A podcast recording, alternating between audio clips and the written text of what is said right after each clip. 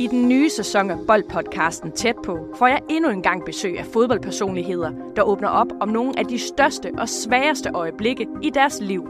Men så lige pludselig så, så falder hans hoved bare til jorden og klasker ned i det der gulv, og så tænker jeg, hvad, hvad sker der? Mit navn er Sara Margren. Lyt til Tæt på hver onsdag i din foretrukne podcast-app.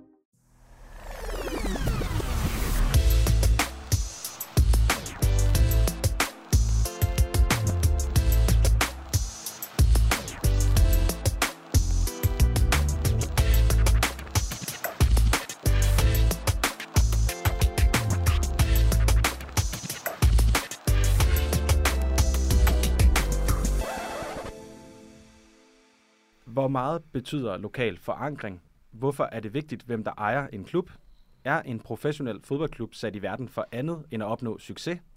Hvad definerer et godt ejerskab, og hvilken rolle spiller nationalitet i alt det her? Det er nogle af de vigtige spørgsmål, vi skal debattere i denne uges udgave af Ren Bold, der har ejerskaber på programmet. For det er et emne, der ikke kun er en lun, men en decideret varm kartoffel. Det er et emne, der deler vandene og får følelserne i kog hos rigtig mange. Mit navn er Sture Sandø, og jeg vil gerne byde velkommen til endnu en uge i Ren Bold, hvor jeg igen har fået selskab af et skarpt panel. Først så vil jeg gerne byde velkommen til Claus Thomsen, formand for Divisionsforeningen. Velkommen Claus. Tak, jeg er direktør. Det, Direktør, undskyld. Ja, godt, at vi får det med. Ellers så bliver min formand lidt ked af det. Beklager. Øh, og så har vi en formand, der sidder ved siden af dig, det er Lars B. Petersen, og du er formand for fanafdelingen i Brøndbyernes IF. Velkommen også. Det er fuldstændig rigtigt. Tak for det. Og jeg er nemlig ikke direktør. Nej. jeg er formand. Og øh, du er en af dem, der har været meget aktiv i debatten omkring Brøndby IF og ejerskabet der. Kan man ikke godt sige det? jo, jeg synes, jeg har lidt øh, frontlinjeoplevelser der over de sidste halvandet års tid. Ja, godt. Og så er der panelets tredje og sidste gæst, Rasmus Glud. Rasmus øh, har blandt andet arbejdet intenst med sagerne omkring Jammerbugt FC, og så den her kuldsejlede overtagelse af Vejle Boldklub den her vinter. Velkommen til dig, Rasmus. Tak. Inden vi for alvor dykker ned i emnet, så kunne jeg godt tænke mig at starte over hos dig, Lars. For øhm, hvorfor er det vigtigt for dig, hvem der ejer den fodboldklub, du holder med? Jamen, jeg synes, det er utrolig vigtigt, og det gør jeg nok, fordi jeg er den skole, hvor jeg, for mig er en fodboldklub øh, i Danmark og i virkeligheden øh, alle steder sådan lidt en treenighed bestående af noget foreningsliv, noget, noget amatør. Øh, det er- består af noget fankultur, og så består det jo også i dansk Superliga-sammenhæng ofte af en, af, en, af en professionel overbygning. Og det er de tre ting, som ligesom skal gå op i en højere enhed, og sammen former de jo i virkeligheden en kulturinstitution, som er enormt vigtig for, for det lokalsamfund, som den befinder sig i. Der er så nogle klubber, som bliver endnu større end lokalsamfundet og transcenderer hele landet, øh, eller endnu større. Øh, men, men det er derfor, det er så vigtigt, hvad det er for et ejerskab, der kommer ind, fordi den kulturinstitution, de tre dele udgør, den skal gerne bevares og udvikles i, i respekt for, for, for det øh, nærområde, den befinder sig i. Og ja, og hvad det så indebærer, det er jo så det, vi kan dykke ned i, i, det her, i den her debat. I første del af udsendelsen, så skal vi tale lidt om, hvorfor reglerne er, som de er i Danmark omkring overtagelse af fodboldklubber og ejerskaber. I anden del, der skal vi tale lidt om, hvad der definerer et godt ejerskab, og til sidst så forsøger vi at kigge ind i fremtiden for at tale om, hvad der måske venter os.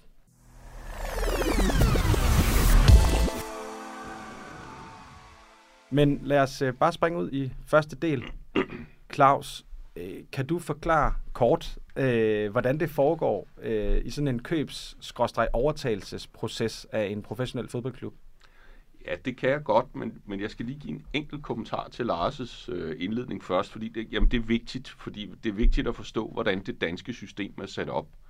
En fodboldklub og den professionelle overbygning spiller på moderklubbens licens.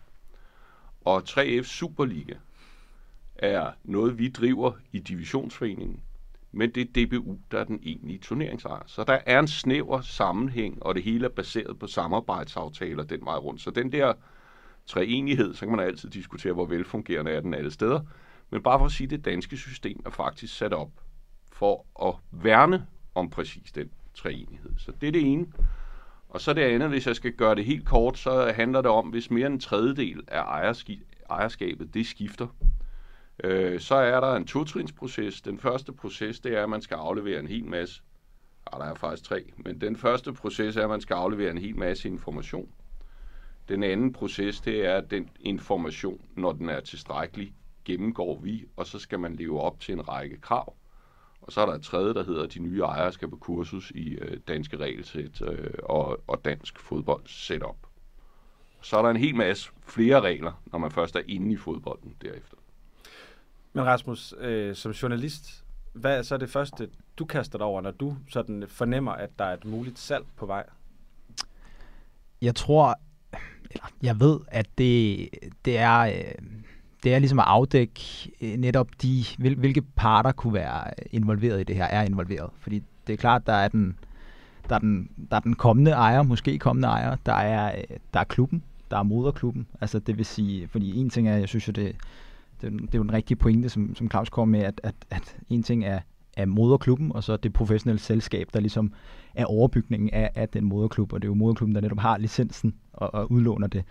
Øhm, og så fansene også. Øh, altså, som man kan sige, der er jo også ligesom tre parter i det. Øh, jeg synes jo som, som journalist, at det er, det er interessant, når det er, der kommer noget, vi, vi ikke kender, og, og der er noget at dykke ned i, som, som ligesom er, okay, hvad, kan, vi, kan vi søge nogle svar på, hvem, hvem den her person er? Øh, og hvordan gør man det? Det kan der være forskellige metoder på at, at, at, at tale med, med forskellige mennesker omkring, men eksempelvis i, øh, i, i det seneste eksempel, vi har, som jo ikke blev til noget i, i forhold til, til tysk-tyrkeren Chaktas Senjudix, øh, ikke helt endelig indtog i Vejle, var det jo for eksempel at, at tale med ham.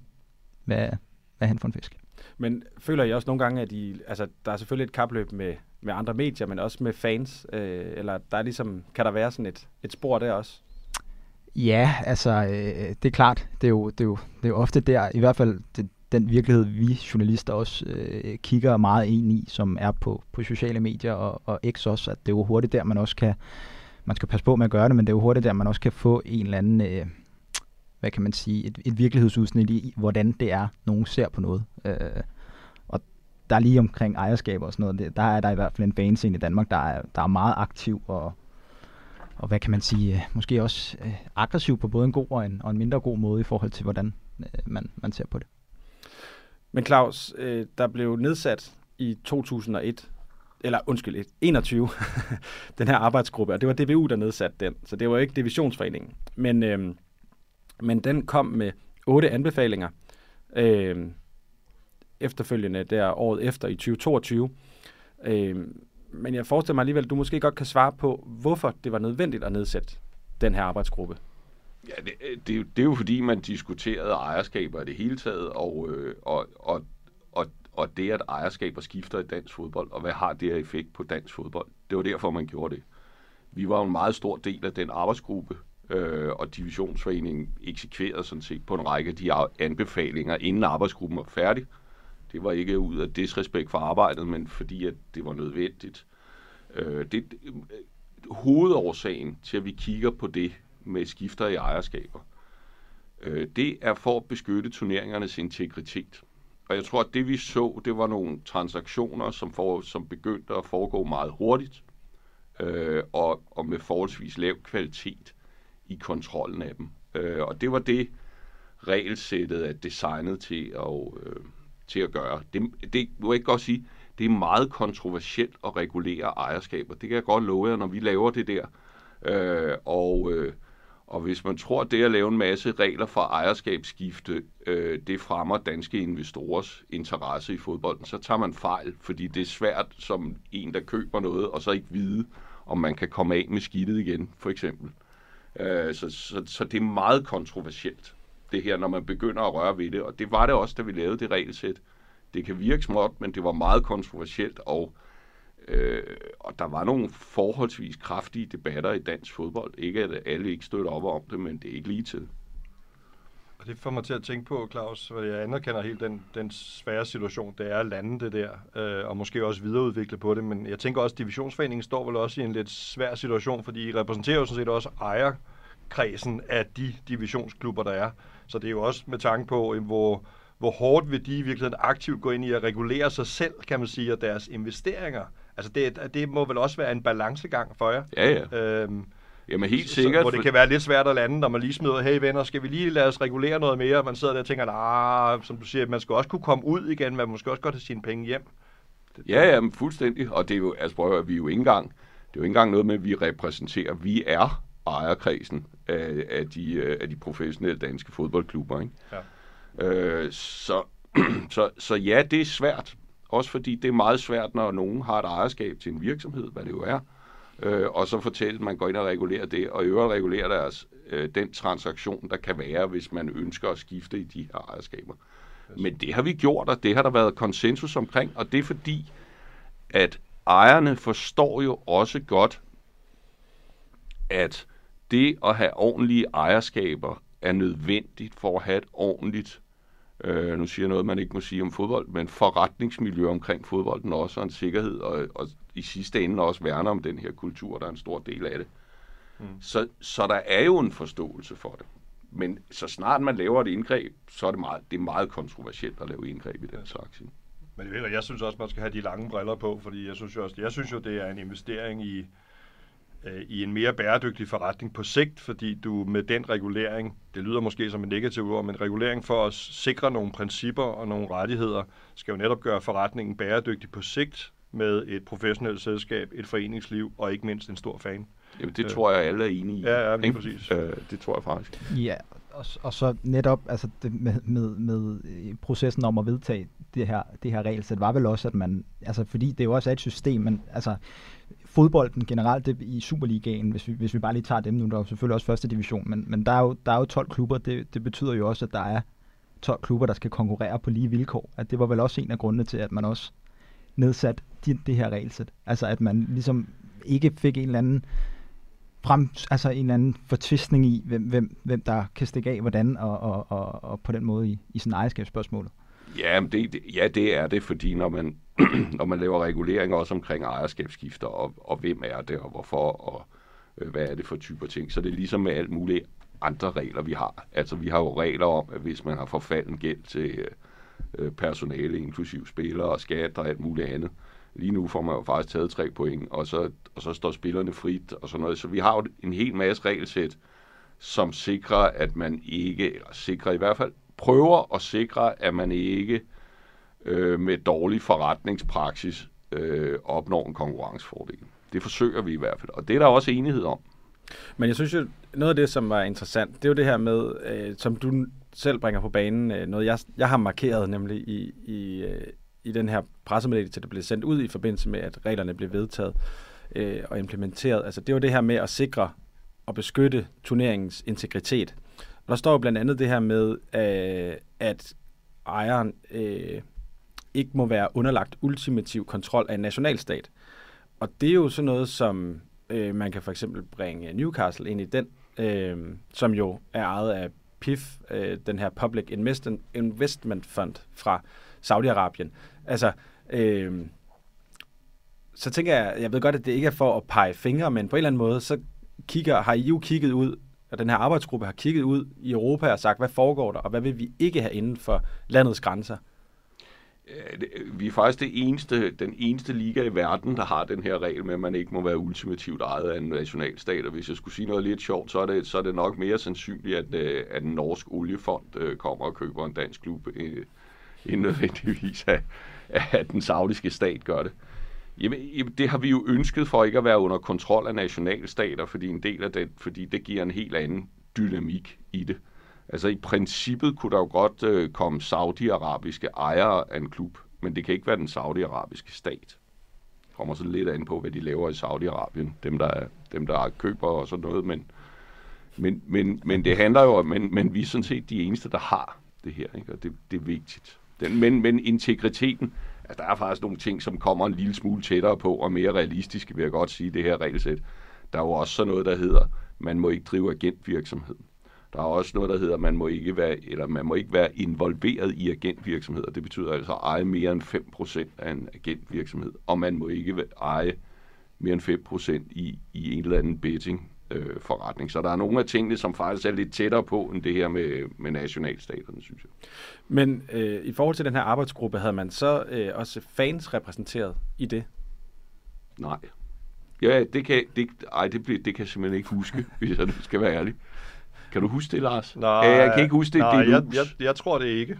Altså, at der bare er involvering, faninvolvering, det, det sådan husker jeg det ikke, nej. Nej, for jeg har heller ikke stødt på det nemlig. Jamen, jeg vil da sige, det er en fejl, altså, med, fordi det er mere kontroversielt er det altså ikke, når man ligger, og DBU, så jeg vil sige, det er mere, det er mere over på vores side, når vi interagerer med ejerne, og så siger vi, hvad, hvad skal det være for regelsæt? Altså, der kan jo lige så godt være ærlig at sige, det vil man ikke tage fans med ind i det operationelle rum, fordi det er de der beslutninger. Jeg, jeg synes, man skulle have gjort det det andet, og det tror jeg måske, man ville have gjort i dag, øh, hvis det var. Ikke? Fans er en, en lidt svær størrelse, Lars, fordi Nej. det, nej, nej, nej. Det er, fordi, det, fordi de har jo fantastisk betydning Ja. for klubberne og fodbolden, og en, og en integreret del af det og sådan noget. Ikke? Og så har de alligevel, øh, har de i princippet ikke rigtig noget med foreningen at gøre, ikke rigtig noget med selskabet at gøre. Altså, du ved, de er jo ikke nødvendige, men altså... Ja, ja, altså, Nå nej, men jeg tror, det er noget, dansk fodbold skal finde ud af, fordi øh, hvordan, hvordan balancerer man det her, fordi fans er så kæmpe en integreret del af fodbolden og er blevet det.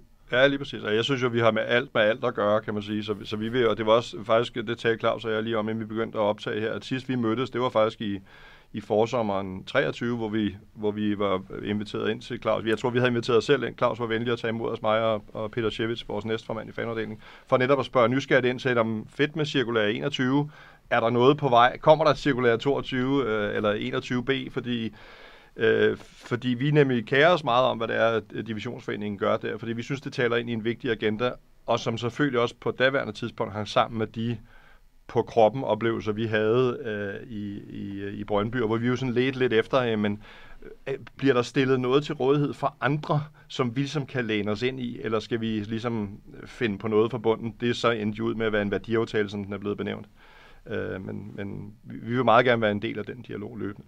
Men øh, i forlængelse af det, så er jeg også nødt til at spørge dig, om der er nogle punkter, som, altså, hvor, hvor du ser på, på de danske øh, rammer, kan man sige, og tænker, øh, jeg vil ønske, at vi havde noget, der mindede mere om noget, man har i andre lande. Jamen, jeg synes, øh, jeg synes godt, øh, altså jeg synes, øh, jeg synes Claus nævner noget væsentligt, det her med ikke at være under statskontrol, øh, og, og det omkring agentvirksomheden og bettevirksomheden, synes jeg faktisk er vigtige ting. Så hvis man skulle være sådan lidt fræk, så kunne man sige, at nogle af de andre ting er sådan mere almindelig god øh, selskabsledelse, øh, og, øh, som, som, øh, som måske ikke gør, at folk kommer ind i det her øh, eksamenslokale og sveder øh, virkelig voldsomt, når de skal igennem det. Men jeg synes, der er nogle gode ting i det. Men jeg synes også godt, man kunne gå længere øh, i forhold til det her med at øh, bygge nogle principper, nogle rettigheder øh, ind, som handler om det der med, at man er forsikret om, at det ejerskab, som kommer ind, har en tung forståelse af kulturinstitutionen, forankret i et lokalt øh, samfund med noget foreningsliv, med, med et stort fan-community forhåbentlig, øh, og med en, et professionelt selskab. Øh, og det er jo noget af det, som vi har prøvet at åbne lidt op på, i, i, i så godt vi nu kunne, i Brøndby-sammenhæng med, med værdiaftalen. Jamen, jeg tror netop, øh, at det, det tror jeg er, er, rigtigt det her med, at, at fordi det er jo, hvis ikke det er unikt, så det er i hvert fald, at det er noget, der bare kendetegner dansk fodbold meget, det her netop, at vi har moderklubber. At, at der er noget, hvad kan man sige, der egentlig ligger under, men er det en, egentlig større end det, end det professionelle øh, setup? Det er klart, at, at hele det kommercielle og det, at vi har et professionelt setup og sådan noget, det er jo også det, der gør, at vi så mange, der er tiltrukket af, der følger med og ser det, men det kommer jo af noget. Og det er jo netop forståelsen for, for det, at det kommer noget, jeg tror, at, at kommende ejere, nuværende ejere, også jo, jo større forståelse man ligesom kan have for det, jo nemmere vil det også være i hele integrationsprocessen og, og, øhm, og det her med at acceptere det, at, at man ligesom har en forståelse af, at, at det professionelle setup kommer af noget. Øh, og det, det, det tror jeg måske, man har set, eller det ved jeg, det har man jo set eksempler på, ikke har været øh, tilfældet, at man kommer ligesom og tror, at det er en, en forretning fra, øh, fra, øh, fra dag et, og det er selvfølgelig som investor skal der jo også være en grad af forretning, selvfølgelig skal der det. Men det her med forståelsen af, at øh, der er altså også noget andet end, end kroner og øre.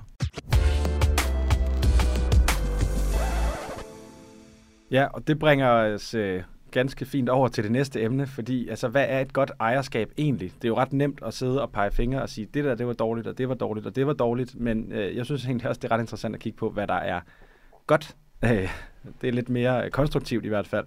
Øh, vi hører ofte om den her tyske model, øh, 50 plus 1, der betyder, at øh, den bestemmende magt eller det bestemmende flertal altid vil ligge hos øh, medlemmerne, så man kan godt eje en større del end 50% af aktierne i en klub, men man har ikke nødvendigvis bestemmelsen over, øh, over øh, de, de afgørende stemmer. Øh, Lars, øh, det er jo den tyske model her, 50 plus 1. Er, øh, er Tyskland landet, der flyder med mælk og honning, øh, set med, øh, med fanbriller? Nej, det er, ikke, det er jeg ikke sikker på, det er. Jeg ved også, altså jeg er selv meget begejstret for 50 plus 1, men den er jo også forankret i Tyskland og i tysk fodbold igennem mange år, kan man sige. Så jeg, jeg vurderer måske sådan lidt kynisk, at det er toget måske lidt kørt for, for os i Danmark, så det er nogle andre konstruktioner, vi skal kigge ind i, som, så, hvor vi kan opnå lidt af det samme, kan man sige. Ja, bare lige for at skyde ind, og det er jo nogle regler, som, og de svenske, som også minder lidt om, øh, der blev indført sidst i 90'erne. Så det er ikke noget, som ligger 100 år tilbage. Nej, nej. nej. Men, det, men det er ja. dog noget, der, der har lidt år på banen, kan der man er sige. sket lidt i fodboldverdenen de sidste 25 år. Der, der, der, ja. der er virkelig blevet skruet op for tempoet, ikke? Men man kan sige, altså sådan helt overordnet set, så er et godt ejerskab jo et ejerskab, og nu gentager jeg lidt mig selv, men som har for, forståelsen af den der træenighed, som jeg har talt om et par gange. Og så er det selvfølgelig også et ejerskab, som har de, de langsigtede briller på, øh, hvordan det er, man udvikler den her klub og det fællesskab, som er omkring klubben, øh, både på fansiden og, og ind i, i foreningslivet. Det er det, der er godt. Jeg ved ikke, om vi kommer til at tale om, om passets farve på et eller andet tidspunkt også. Det, det, det synes jeg måske er lidt mindre interessant, men der er jo ingen tvivl om, at hvis du kommer fra en dansk forenings selskabsbaggrund, så er du nok bedre stillet til at forstå den der treenighed og, og, og værne om den og udvikle den. Og det er blandt andet også noget af det, vi har været øh, lidt bannerfører fra, fra fanafdelingens side i Brøndby, hvor vi helt tilbage i starten af 22 udmeldte nogle holdepunkter, hvor vi sagde, men hvis man kunne vælge, så synes vi faktisk, at dansk ejerskab er bedst, fordi ud fra den betragtning, så tror vi, at man har mere styr på det der. Så er det ikke så fremmed for en. Øh, men igen, man skal passe på i den her globaliserede verden, hvor tingene blandes, at man ikke taler om passes farve, men den, der, der synes jeg, at der er en selvstændig pointe omkring det. Men lad os bare gribe den, øh, Claus, fordi øh, hvad, altså, i divisionsforeningen, hvordan ser I på den del? Fordi det er vel rigtigt nok, at det er nemmere at forstå øh, den kultur, som dansk fodbold er bygget på, hvis man er dansker og har, er opvokset i Danmark? Ja, der er to aspekter af det. Ikke rent formelt, så, så, er det ikke en, altså, så er det ikke en skældning, vi kan lave øh, på ejerskab, om det er dansk eller om det er internationalt. Øh, måske hvis vi går uden for EU. Jeg ved, jeg ved det ikke engang, men, øh, men det er heller ikke en skældning, vi ønsker at lave. Så er der den anden, den her med, forstår man det øh, bedre?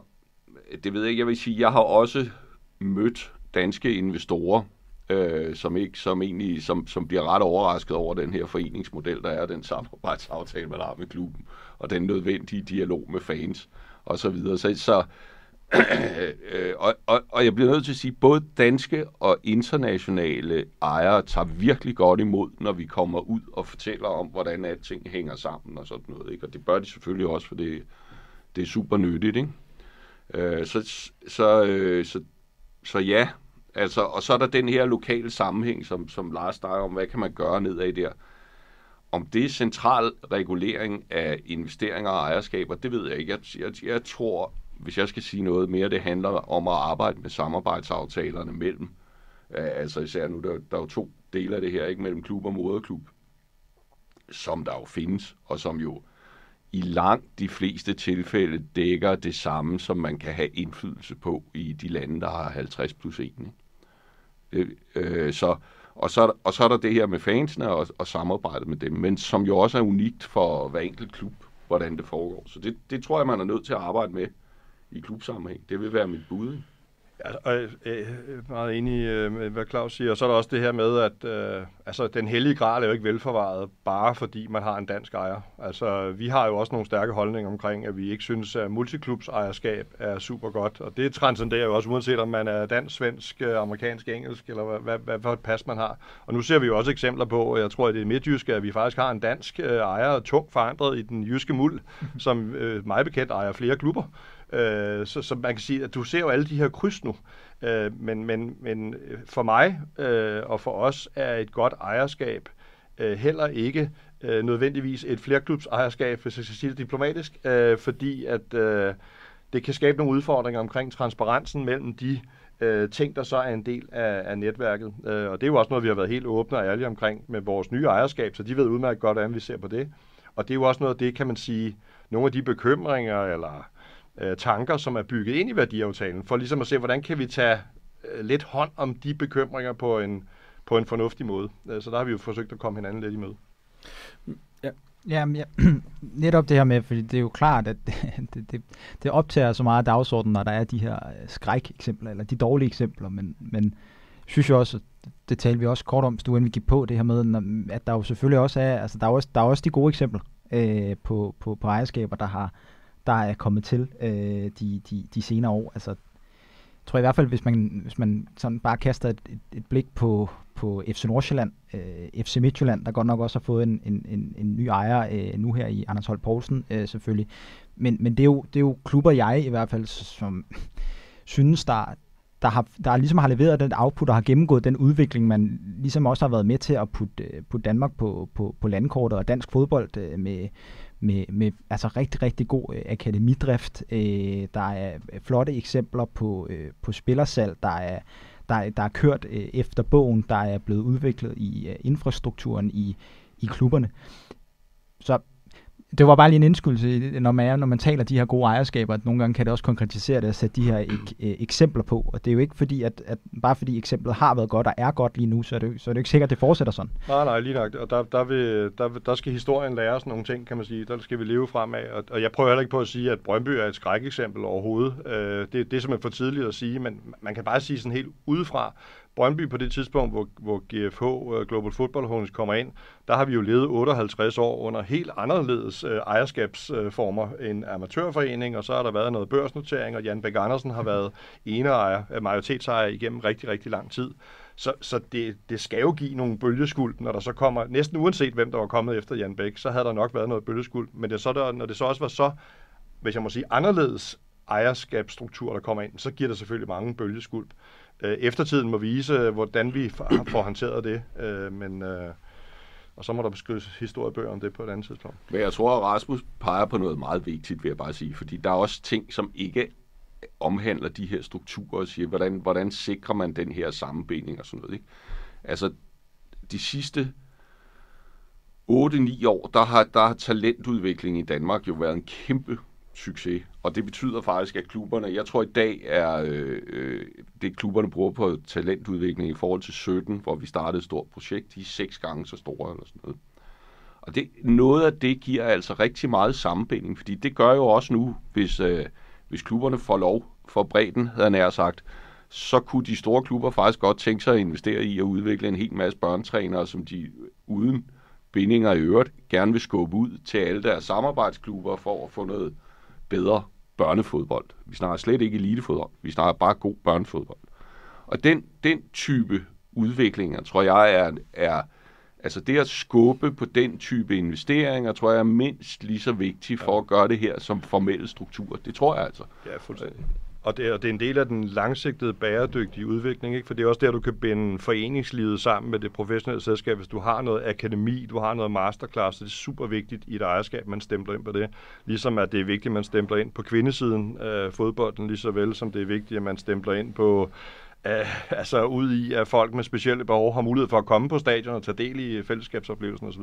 Ja, ja netop at komme som, som potentielt kommende investor, at øh, man, man kan kigge på, hvis, hvis man bare kigger på en, en fodboldklub og en trup, så er der jo den balance, nogle spillere har og sådan noget her, men jeg tror lige så meget, det er investorerne og det, man som, som øh, en ejer, der i hvert fald har gode intentioner, kigger på, det er, okay, hvad er der også af potentiale og ambitioner i, i akademiet, som jo på sigt er det, der bliver den klart tungeste indtægtskilde, i hvert fald når man kigger i transferindtægter, at, øh, at der er akademierne jo bare øh, på, på, på vej frem. Så ja, der, det tror jeg i hvert fald er en, en, en, en væsentlig del, af noget vi kommer til at se mere i. Det kan vi også vende tilbage til, når vi skal tale fremtidigt, men, men det her med også at, at kigge på, øh, på potentiale i, hvad det er, man, man, man køber øh, i, en, i, en, i en klub. Ja, der skal man vide, altså der også hvis man er en klog investor, så, så holder man, så, så kigger man på den her lokale samfunds. Øh, fordi hvis et af de mest værdifulde ting for Danmark, men også for professionel fodbold i Danmark, det er jo, at lige om lidt, så er der altså 400.000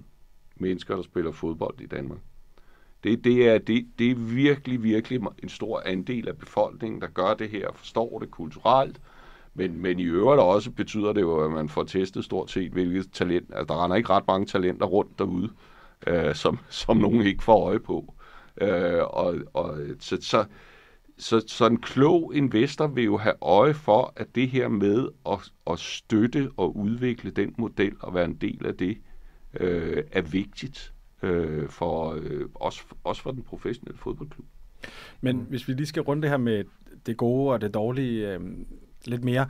Altså, øh, fordi jeg har nogle gange siddet og tænkt øh, i forhold til Brøndby og GFH, at øh, Brøndby er måske den værste klub i Danmark, GFH kunne engagere sig i, i forhold til øh, den øh, modstand, som hvis man kender Brøndby og Brøndbys fanbase, hvis der vil komme. Øh, jeg tror, der er ja, 11 andre klubber bare i Superligaen, som vil være øh, nemmere og, øh, og ligesom at komme ind og, og overtage og, og arbejde videre med. Øh, det tror jeg, man kunne gøre mere gnidningsfrit i hvert fald. Øh, omvendt, så synes jeg jo også, at det er gået stærkt, for nu har man jo fået det her ejerskab. Øh, og der var en kraftig reaktion til at starte med. Man kan jo stadigvæk se sporene, når man går til fodbold i Brøndby.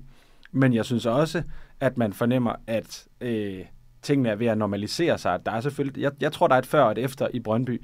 Men, men Rasmus, kan det også vise sig, tror du, at være den... Oh, fik jeg lige skubbet til din computer. Det er så øhm, entusiastisk. Ja, øh, at, det, at det faktisk er den bedste klub at overtage, øh, når man sætter lidt på spidsen.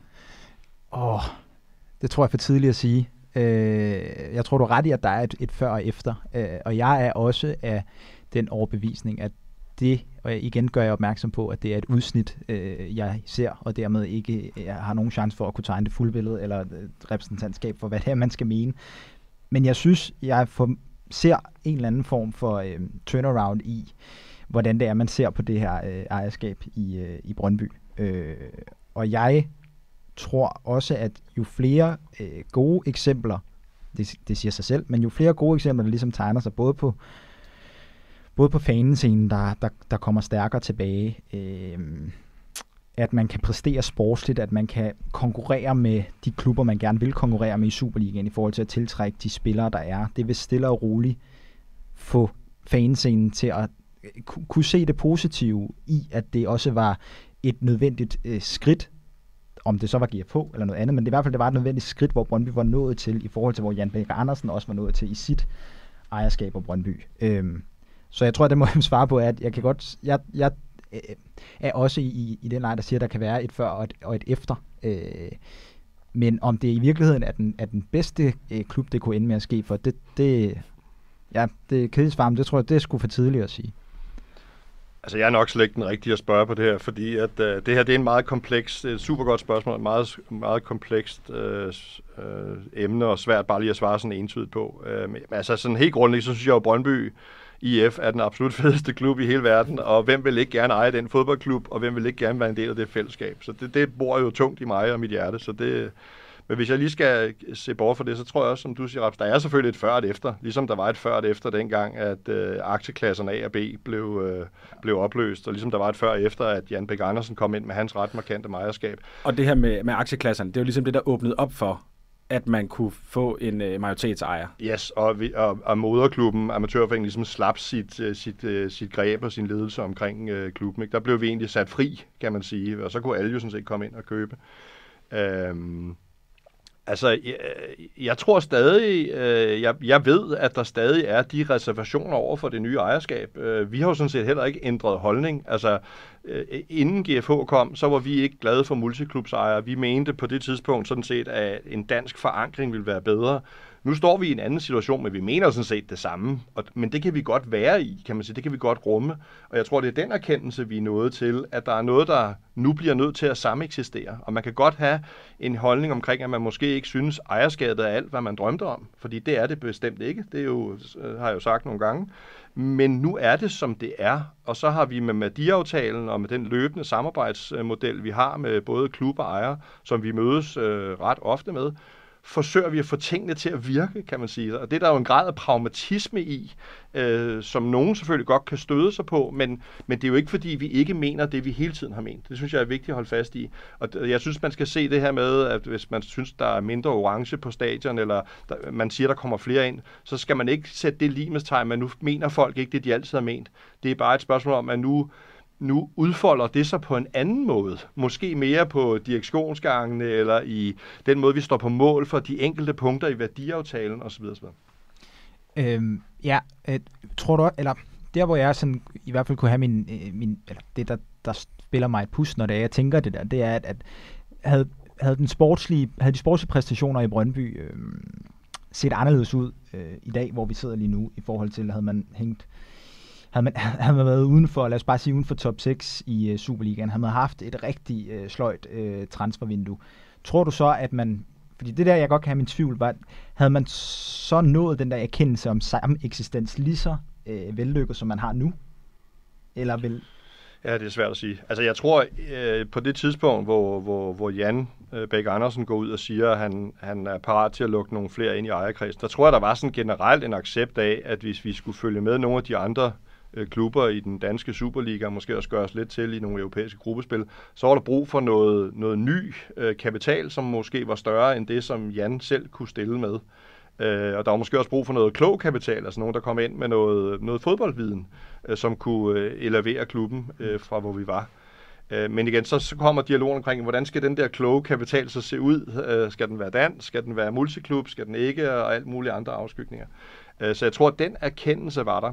Øh, hvordan det hvordan det ville være gået, eller altså, det er lidt svært for mig at sige. Øhm, øhm, ja, der tror jeg, vi skal lidt længere frem. Der skal vi have klokken til at gå, og så skal vi mødes igen om et halvt år, om et år, og så lige kigge tilbage og se på, hvordan tingene har udspillet sig. Integration af unge spillere og så videre, måske også, at det spiller en rolle. Altså, Jamen, om man, altså, om man det er jo en, kan walk the talk. Ja, men præcis. Altså, det er jo en af de ting, der ligger også meget på sinde, som er jo også er bygget ind i, i, i værdiaftalen for os. Det er netop, altså, der er fokus på selvfølgelig moderforeningen, men der er også stort fokus på, på masterclass, som vores akademi jo hedder. Øh, og at vi jo meget, meget gerne ser, at der bliver investeret tungt i det, hvilket ejer jo typisk også gerne vil, fordi det er den billigste måde at komme i mål med en, en stor earnout på, at du kan lave nogle gode transfers på et tidspunkt. Vi elsker jo at se vores egen drenge øh, rende rundt på, øh, på, på grønsværen, og det vil vi jo gerne øh, se, at ejerskabet og klubber meget tydelige på, at de investerer det. Men Claus, altså, øh, når jeg nævner det her med, at Brøndby er den værste klub, man kan gå ind i i Danmark, det er jo det her med, at, at der det lyder altså helt forkert, det der, du siger. Jeg ved godt, hvor du var hen med det, ja. men det lyder altså helt forkert. Den mest besværlige det er, klub, så. Ja, det er den fedeste ja. klub jo. Ja, ja, men, men ja. min pointe er det her med, det Ja. mest besværlige øh, Ja. og, og mindst gnidningsfri øh, sted at, øh, at komme ind som øh, ikke bare øh, dansk ejer, men så ovenikøbet en udenlandsk ejer og øh, multiclub owner osv. osv. Men kan det ikke også, øh, jeg, jeg tænker, det er jo ikke en debat, som du som sådan har en holdning til, men øh, kan det ikke også fra din stol set være øh, en god case i den forstand, at hvis det kan lade sig gøre i Brøndby, jamen, så må det kunne lade sig gøre alle steder i dansk fodbold. Nej, det er der flere. Nej, det er ikke en god case set for min, fordi jeg har ikke nogen hverken gode eller... Altså, prøv at høre, det, vi, har, vi har ordentlige ejerskaber, det er det, det handler om. Ikke? Og man skal også forstå, bare så I med på det, altså siden 21, det går sådan nogenlunde øh, lige op, øh, hvad der er kommet tilbage på danske hænder, og hvad der er, er internationalt ejet. Tror faktisk, der er en enkelt klub mindre internationalt ejet i de øverste fire rækker i dag, end, øh, end tidligere. Jeg, jeg kan ikke huske det præcis, men det er sådan nogenlunde det. Så det er bare for at sige, det vælter altså ikke ind over med internationale ejerskaber, men Fremad Amager er blandt andet kommer tilbage på danske hænder. ja, ja, og Midtjylland, ja. ikke? Ja. Øh, for eksempel. Øh, Men to og- meget forskellige ejerskaber, kan og, vel også godt og, sige. sønder, og Sønderjyske. Ja. Så det er tre meget forskellige ejerskaber, og det, det men, men prøv at høre, det, kan jeg, det har jeg jo ingen holdning til. Jeg, jeg, hvis, men jeg vil godt være ærlig at sige, når jeg ser fra min stol og ud på Brøndby, øh, så har jeg da kæmpe respekt for øh, så er der kæmpe respekt for de investeringer, der bliver lavet i faciliteter, i udvikling af kampoplevelse, i den fandialog, der er i det hele taget, øh, og, i, og, i den, og i de investeringer, der bliver lavet i akademiet. Det har jeg da, det har jeg da super stor respekt for. Det er da sådan, det ser ud øh, inden for mig. Og hvis jeg skal afsløre noget, øh, øh noget jeg ikke må, havde han sagt, så vil jeg sige, Altså, det var ikke en problematisk proces for os at få, øh, at få leveret den dokumentation, der skulle til med Brøndbys ejerskab, men det er, altså, det, det er det sjældent, fordi det er, en, det er en dialog, man har indtil folk finder ud af, at man skal levere, og så, så ordner det sig, men det, det var der, da fuld, øh, fuld respekt for. Mm. Men øh, for en lille måned tid siden, der deltog øh, Søren Davidsen, som er en del af ejerkredsen omkring Sønderjyske, øh, og de ejere, som ligesom har bragt Sønderjyske tilbage på danske hænder, og ikke bare danske hænder, men sønderjyske hænder. Øh, og han taler om, at øh, det er jo måske ikke så underligt, men at han, han synes, at Sønderjyske er bedst tjent med et også et sønderjysk ejerskab. Øh, det bakker selvfølgelig meget godt op om, at, at det, det er det, han selv er og repræsenterer. Men øh, er det ikke noget, der gør indtryk øh, i forhold til, at, øh, at Søren Davidsen er jo også en forretningsmand, som godt øh, ved, hvordan øh, verden hænger sammen, og ikke i gåsøjne bare en idealist. Øh, jo, men ja, for mig gør det stort indtryk, at det resonerer egentlig godt, også med det der med kulturinstitutionen, og også når han kommer fra lokalområdet, så forstår han jo godt, at enhver form for øh, sådan professionelt øh, selskab på toppen, enhver investering på toppen, det står på den platform, der hedder lokalmiljøet, øh, noget foreningsliv, øh, noget, noget fan. Det forstår han jo som smart investor, det synes jeg også, det Claus virkelig siger, det de, de bedste af dem, de forstår det der. Øh, så jeg synes jo, det er meget, øh, altså jeg synes, det er meget sympatisk. Øh, set i vores egen situation med, med Jan Bæk Andersen, som jo også var mange år i fan af Brøndby, kom fra den sydlige Vestegn. Øh, altså, der var jo også en, en, en, en øh, sådan en ro omkring ham. Der var måske andre ting i ejerskabet, som man kunne stille spørgsmålstegn ved, men lige præcis det der med hans ophav og hans tilknytning til området og forståelsen af klubben og dens værdier, når, når det er på plads i ejerskabet, så er der jo nogle ting, der falder på plads set i retrospekt ville vi da gerne have lavet værdiaftalen for 10 år siden, da Jan kom ind. Det havde måske været meget smart, hvis vi havde haft det klarsyn på det en tidspunkt. Øh, fordi det transcenderer egentlig alle typer ejerskaber. Man, sådan en bør en klub nok bare have, eller fansen insisterer på at få lavet. Øh, men, men vi tænkte nok ikke så meget over det dengang, fordi Jan netop var det, han var. Han var jo vores Søren Davidsen. Men vil det blive bedre med, med det her GFH-ejerskab, hvis for eksempel David Blitzer eller nogle af de andre, de så flyttede til Brøndby. Altså, jeg har sådan en fornemmelse af, at de, de ligesom har både deres nationalitet og deres øh, generalieblad, øh, eller deres CV i, imod sig et eller andet sted. Ja, jeg, jeg tror ikke en flytning øh, postnummer vil nok ikke øh, gøre noget i, i den forbindelse. Nej, det var en diplomatisk måde at sige det på. Øhm, men øh, Rasmus, øh, gør det noget ved din tilgang, sådan journalistisk, når der er tale om en, om en udenlandsk ejer eksempelvis? Øh, nej og ja. Altså ja i den forstand, at jeg tror, der vil altid, når man har at gøre med personer, virksomheder, andre faktorer, der har en, en større distance, en længere afstand til det, du er kendt med, så vil der altid være en grad af, at det her er der behov for at gå mere efter i sømne. Og det tror jeg egentlig, at, håber jeg, er en generel sådan journalistisk øh, disciplin, en, en næse, der skal være, også øh, i takt med den erfaring, man kan få lov til at opbygge sig, når det er, man har at gøre med sådan her sager. Så, så ja, i den forstand, at, at der tror jeg, der er noget indgroet journalistisk i, at, at, at antallet af spørgsmål, nysgerrigheden skal være, skal være større. Men også, jeg siger også nej i den forstand, at det er også lidt, lidt, lidt, en lidt en kontramelding, jeg kommer med, fordi ja, men det burde jo ikke være sådan bare på grund af nationalitet. At det, jeg synes jo også, det burde være spørgsmål, vi skulle stille øh, potentielle kommende øh, danske ejere, eller dem der er. Øh, men, men graden af graden af det, når der er noget fremmed, og det tror jeg også, øh, altså det er noget, der spænder på tværs af alt, ikke kun i sportsjournalistikken, men, men, men generelt, er øh, behovet for, ja, for at spørge er større, når noget er, er, er fremmed, eller noget er ukendt øh, for os. Og så det, jeg mener i med det rodfæste i journalistikken, jeg, der er også et kald i journalistikken om, at øh, for eksempel med det, med det seneste eksempel her med, med Vejle, at man jo med kilder eller med personer, man ikke har haft at gøre med før, er der et kald på, at man skal faktatjekke og gå tingene efter i, i sømne. Og det er jo ikke kun journalister, der, der gør det. Øh, men jeg synes jo, det er også her journalistikken i sådan noget her, og øh, altså et, et klassisk eksempel på, hvorfor det er hammerne vigtigt øh, at, at have. Øh, Ja, 100 procent. Det har vi, vi har brug for jer som, øh, som vagthunde på, ligesom hjerte på, hvordan fans opfører sig fra tid til anden, men så skal I selvfølgelig også være det på ejerskab, og det sætter vi stor pris på, at der bliver, der bliver kastet lys på det. Øh, det kan godt være lidt irriterende nogle gange, men det, det holder tingene lidt i skak. Ikke? Øh, hvis jeg lige må kaste en, nu når vi taler ejerskaber ind, øhm, øh, når vi taler danske ejerskaber, så er der jo så jo her for nylig jo også kommet en, øh, ned fra vores egen lille egen, er jo kommet sådan en mere fanorienteret måde at eje en fodboldklub på med fodboldforening Brøndby, FFB, som er gået i luften her for nylig. Og det er jo sådan set et forsøg på, at det er ikke fanafdelingen, der kan overhovedet tage æren øh, for det. Det er en, en selvstændig forening med nogle fantastisk passionerede folk omkring det, med Jesper Friberg i spidsen. Øh, men øh, de er så gået i luften med en tanke omkring, at man i fanmiljøet vil samle penge ind til, man på sigt kan have samlet så meget kapital sammen, at man faktisk kan købe sin fodboldklub.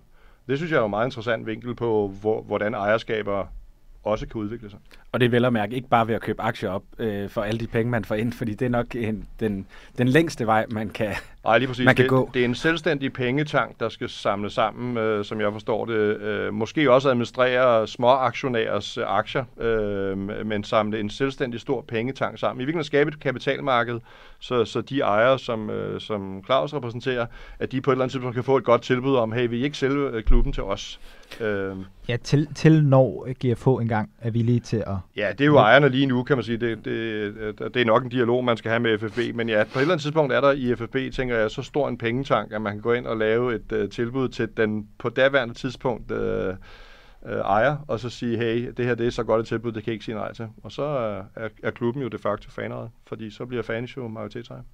Men øh, i forhold til det her med den lokale forankring, øh, så sidder du også, Lars, og taler om øh, noget med nogle europæiske gruppespil osv. osv. Og der må man jo erkende, tror jeg, øh, vi kan blive enige om omkring bordet, at for at øh, spille en, en rolle, ikke bare være med, men for at spille en rolle i de her turneringer, så er man jo også nødt til at slippe noget af det lokale. Altså dem, som klarer sig allerbedst, øh, Manchester City eksempelvis i Champions League, er jo ikke en klub, øh, som jeg i hvert fald forbinder med den allermest lokalt forankrede klub i, øh, i Europa. Altså, er det ikke også et skisma, man står i? Man vil gerne det europæiske, det internationale osv. Øh, det vil man gerne som øh, professionel klub selvfølgelig, men også som fan er det jo også noget, som, som I drømmer om. Men omvendt, øh, kan man efterhånden stadigvæk stige på det tog, uden også at opgive øh, det lokale i en eller anden grad? Nej, der, der synes jeg ikke, jeg ser en, en konflikt der. Det synes jeg sagtens kan, og det kan bare være på grund af uvidenhed og ignorance på min side, men det synes jeg godt, man kan få til at gå op i en, en, en højere enhed, fordi du har fuldstændig ret. Vi drømmer der om europæiske gruppespil, om det er Conference League, Europe League eller allerhelst selvfølgelig Champions League. Det er jo der, vi gerne vil hen og se Brøndby spille med år efter år. Men jeg ser ikke en konflikt med det i, at klubben stadig skal være lokalt forankret og, og have den her treenighed for sig. Øh, den, skal, den treenighed skal være i stand til at tiltrække nok kapital til at kunne drive de resultater, sportslige resultater, der skal til. Det er jeg med på, men jeg synes ikke, det skal ske på bekostning af, af den treenighed, og jeg, jeg ser heller ikke nogen konflikt umiddelbart i det. det. Det skal kunne gå hånd i hånd, fordi ellers så vil det over tid jo bare blive et produkt, og så er du fuldstændig væk fra den måde, vi tænker fodbold på, og den måde, som, øh, som vores klub har eksisteret siden dens, øh, den fødsel. Jeg, synes heller ikke, hvis man, hvis man prøver at kigge på det i den sammenhæng, så vil jeg også bare sige, det ser jo faktisk ikke umuligt ud. Altså hvis man kigger på, da København sidst mødte Manchester City, der var mere end halvdelen af markspillerne fra eget akademi. Det er den ene, ikke? Øh, og, og deltagerne i samme sæson, Øh, det var Silkeborg, som bygger deres akademi jo på alene på rekruttering øh, i Silkeborg-området, hvordan det så lige defineres, men, øh, men det er jo det, de gør. Så, så jeg synes, det her med, øh, kan det lade sig gøre? Ja, det kan det da godt. Altså, det, det må svaret være på det. Øh, koster det penge? Ja, det gør det nok, men det er så en anden snak, ikke? Mm. Du markerede, Rasmus. Ja, øh, øh, det var, det var det, det er interessant snak, det her med, at, når, man, når man kigger på de her øh, store klubber, nu, nu sætter man det også på spidsen, når man så tager for eksempel øh, øh City, altså der, det, det er jo, altså fordi, ja, der er jo, og det ved jeg godt, det var ikke det, der lå i dit spørgsmål, men der er jo også meget mere sportslig succes end at øh, vinde eller stå i finalen af Champions League. Altså det øh, det er jo, det er jo også netop, altså jeg tror i dansk målestok, øh, nu er FCK jo øh, flot videre for deres øh, gruppespil i hvad der på papiret var en fuldstændig vanvittig øh, gruppe, så det er, jo, det er jo flot det, de har, har, har præsteret øh, derude. Men at det at være øh, deltage i europæiske gruppespil, er jo også, i hvert fald det, det udsyn, vi har i Danmark, jo også et kæmpe succes øh, og parameter, at, at det her med, at mere vil have mere og, og sådan noget. At, ja, jeg, det jeg egentlig bare gerne vil synge ud, det er, at, øh, at succeskriteriet om, at man stadig kan være, øh, have rod i det, i det lokale, og øhm, stadig have respekt for moderklubben og hvad det er, man kommer af, samtidig med, at man kan stige på det tog, der hedder at have succes i Europa altså, det kan man jo godt opfylde og opnå øh, ved at ja, være et gruppespil, lave en rigtig god kvalifikation, vinde et mesterskab øh, osv. I hvert fald det målstok, vi har her i Danmark, og at det ikke behøver at avancere fra en øh, gruppe bestående af øh, Galatasaray, Manchester United. Ja, og, og hvis jeg så godt må sige én ting, så vil jeg bare sige, at det absolut vigtigste og største mesterskab, det er nogle gange Danmarks mesterskabet. Så det er, altså det, det, det gælder om at vinde. Resten, det er, det er glasur på toppen, ikke? Jo, jo. Det er jo det er jo, det er jo gerne de, de sure udkampe i Superligaen, der gør, at du til sidste ende kan kvalificere dig i et gruppespil. I øh, tredje og sidste del af den her udsendelse, der skal vi forsøge at kigge lidt ind i fremtiden, og det er jo selv sagt ikke det nemmeste, men, øh, men jeg synes, vi skal gøre et forsøg.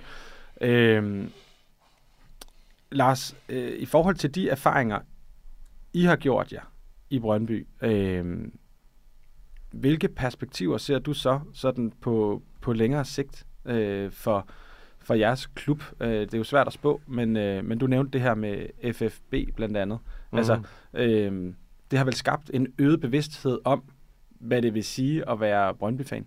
Ja, fuldstændig. Der, vi har jo været igennem en sådan en selvrensagelsesproces for det øjeblik, at øh, ja, i virkeligheden for det øjeblik, Jan sagde, nu skal der nok noget andet kapital ind, så startede det jo øh, også helt tilbage, som jeg sagde tidligere, omkring de holdepunkter, vi meldte ud der i starten af, af, af 22. Øh, og jeg, jeg tror jo, øh, sådan fremtidsperspektivet er jo måske den case, vi, vi kigger ind i i Brøndby, det er noget, der kan blive aktuelt for en masse andre fodboldklubber. Øhm, og derfor er, er, bruger vi jo også lidt tid på, sådan, øh, kan man sige, på et landspolitisk niveau, ligesom at, at få lidt opmærksomhed omkring det her med, med, øh, med, med ejerskaber. Og vi havde vores øh, fanrepræsentant, øh, Claus Bjørn Billehøj, jeg havde fornøjelsen af faktisk at mødes med Jakob Inge Schmidt her den anden dag, øh, vores kulturminister, øh, som jo du har også haft indenstuer, ikke, som er en passioneret øh, Lyngby-fan, øh, men, men bare fodboldfan generelt. Øh, også for ligesom at jonglere nogle idéer med, igen på ryggen af vores egne erfaringer, jamen, hvordan kan vi hjælpe andre øh, treenigheder, andre fanmiljøer, andre moderklubber med at være klar på at gå ind i sådan en proces her, fordi ejerskaber vil jo skifte. Øh, og er der et eller andet, vi kan stille dem til rådighed, så de ikke lidt ligesom vi oplevede i Brøndby, vi lidt stod med et blankt stykke papir og skulle finde på. Vi vidste godt, hvad, hvad vi havde i vores hjerter og i vores maver, men det der får det til at for, blive forplantet. Det blev så en værdiaftale for os med en, en række punkter i. Øh, det var det, som vi ligesom kunne finde på.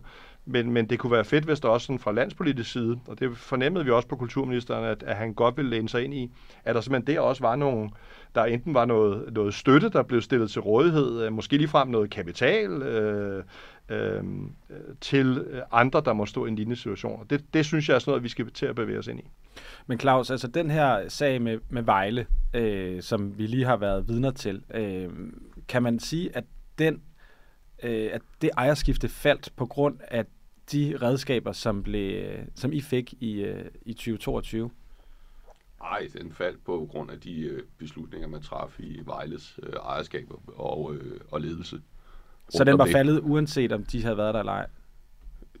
Det, det, det er jo ikke til at sige. Altså, det ved vi jo ikke noget om, men hvis du siger, hvem tog beslutningen, jamen det gjorde Vejles ejerskab, tog beslutninger om ikke at ville sælge. Altså, så det er jo det korte og lange på det. Øh, så øh, om, og hvad, hvad indflydelse det har.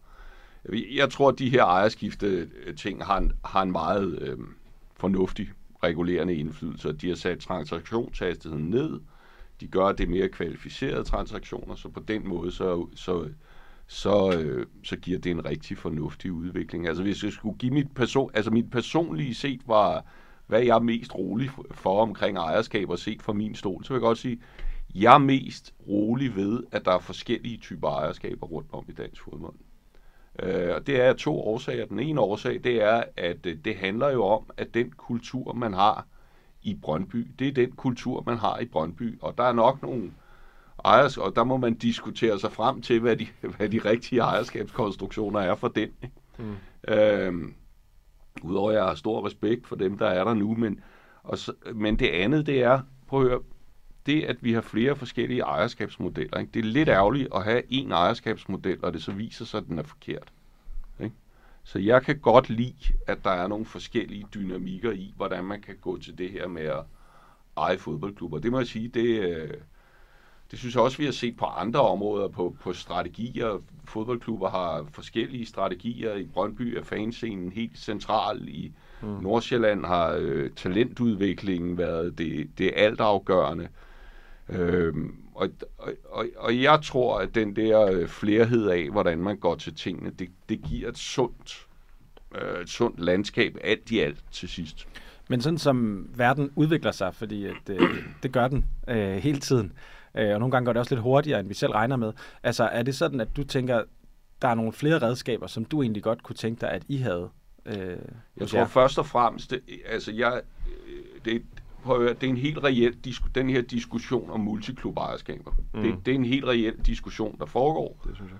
Øh, det er øh, helt reelt at sige, at der er en risiko for integriteten i turneringerne forskellige steder.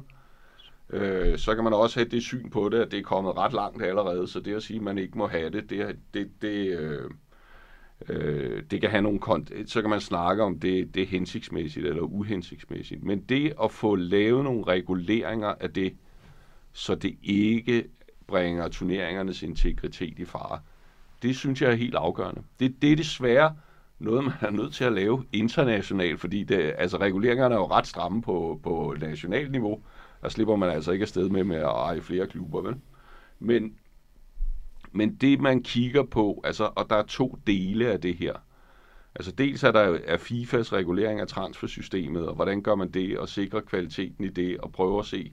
Og det, og det er jo virkelig svært, fordi det er globalt. Og så er der UEFA's øh, finansiel kontrol, hvor man jo helt reelt kigger ind på nu, og det bliver meget kontroversielt, at man, går ind, man vil gå ind og godkende, at transaktioner mellem, mellem klubber med, med de samme investorer foregår til reelle værdier og sådan nogle ting. Så, og det, det så går man altså ind i driften mm. i forretningsmæssige transaktioner, som man kan sige skattevæsenet, og burde må, måske også interessere sig for dem, men, men, fordi det kunne være transfer pricing, men, men, øh, men, men, men det tror jeg, at er nogle redskaber, der, der bliver afgørende om at skabe konsensus om øh, på internationalt niveau. Og det gælder for alle typer ejerskaber. Ikke?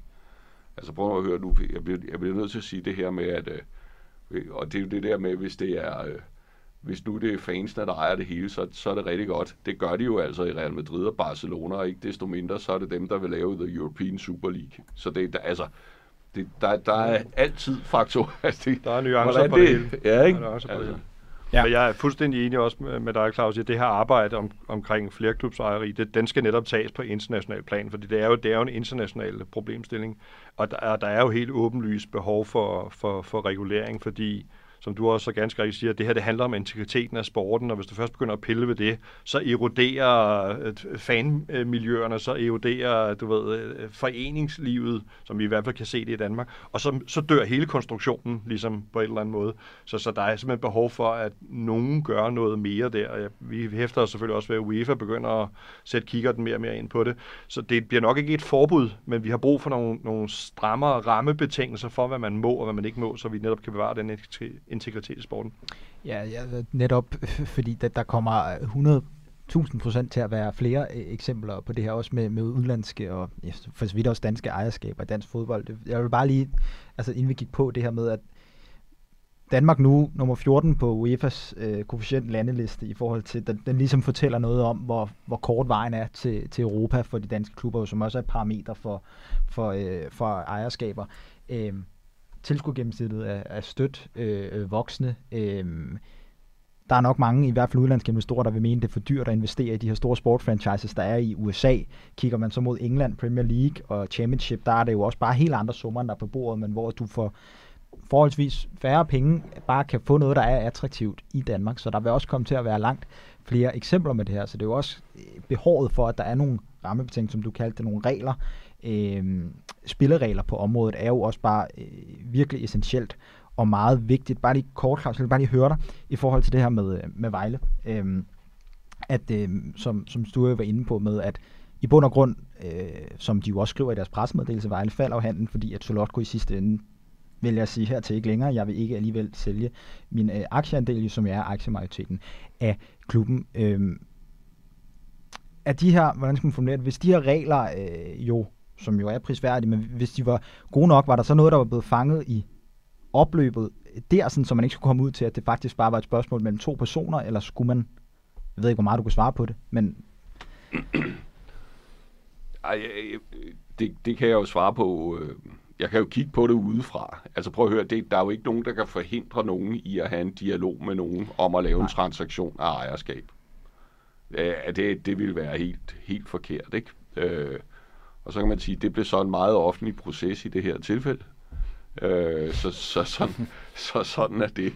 Øh, I langt de fleste tilfælde, når, vi, når, når der sker de her ejerskabsskifter, øh, så kommer, øh, så kommer øh, så kommer, enten så er man så sikker på sig selv og det, man laver og sådan noget, så skifter man side. Fordi det, der sker, er, at man får taget sin kontrakttilladelse. Det er altså en relativt alvorlig ting. Ja. Ikke? Øh, og, øh, og man får den først igen, når man har, oplevet, altså når man har opfyldt kravene. Så kan man få en dispensation, hvis det ser ud som om, at øh, det hele det kommer. Men, men, øh, men, men, men øh, og det, det er der nogen, og, og, men, men de fleste kommer jo før den her transaktion. Så, så de fleste er jo inde i den proces, når man så nærmer sig, og, og, og en række af de her øh, investorer, danske eller, øh, eller internationale, de vil jo godt vide, at de ikke ender med ikke at have nogen kontrakttilladelse. Det vil de sådan set godt være sikre på, og for en almindelig ja. due diligence, så er det sådan, der, ikke? Så, så øh, kan man forhindre, øh, at der kommer sådan en debat om sådan noget? Nej, det kan man ikke. Altså, det kan ikke lade sig gøre, fordi det, det kan ske alle steder, men kan man øh, sikre kvaliteten i transaktionen sidenhen? Ja, det vil jeg mene, vi godt kan til en vis grad.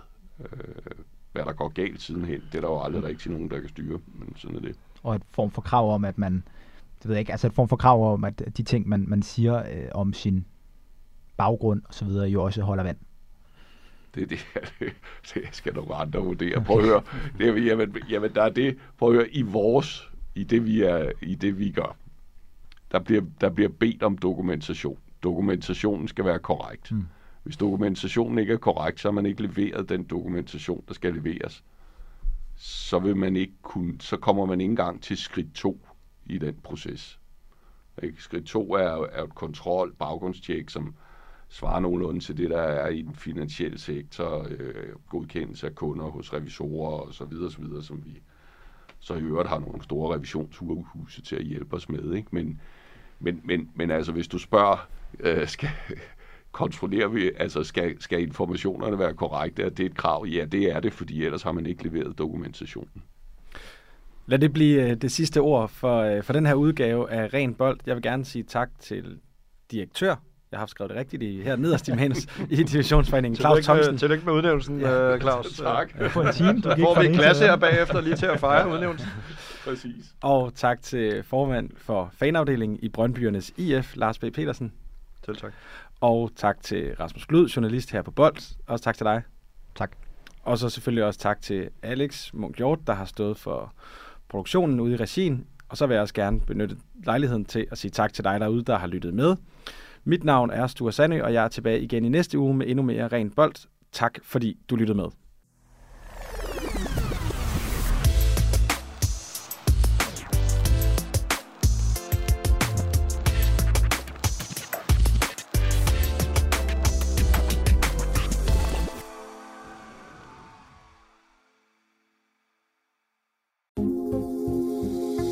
Den nye sæson af Boldpodcasten Tæt på får jeg endnu en gang besøg af fodboldpersonligheder, der åbner op om nogle af de største og sværeste øjeblikke i deres liv.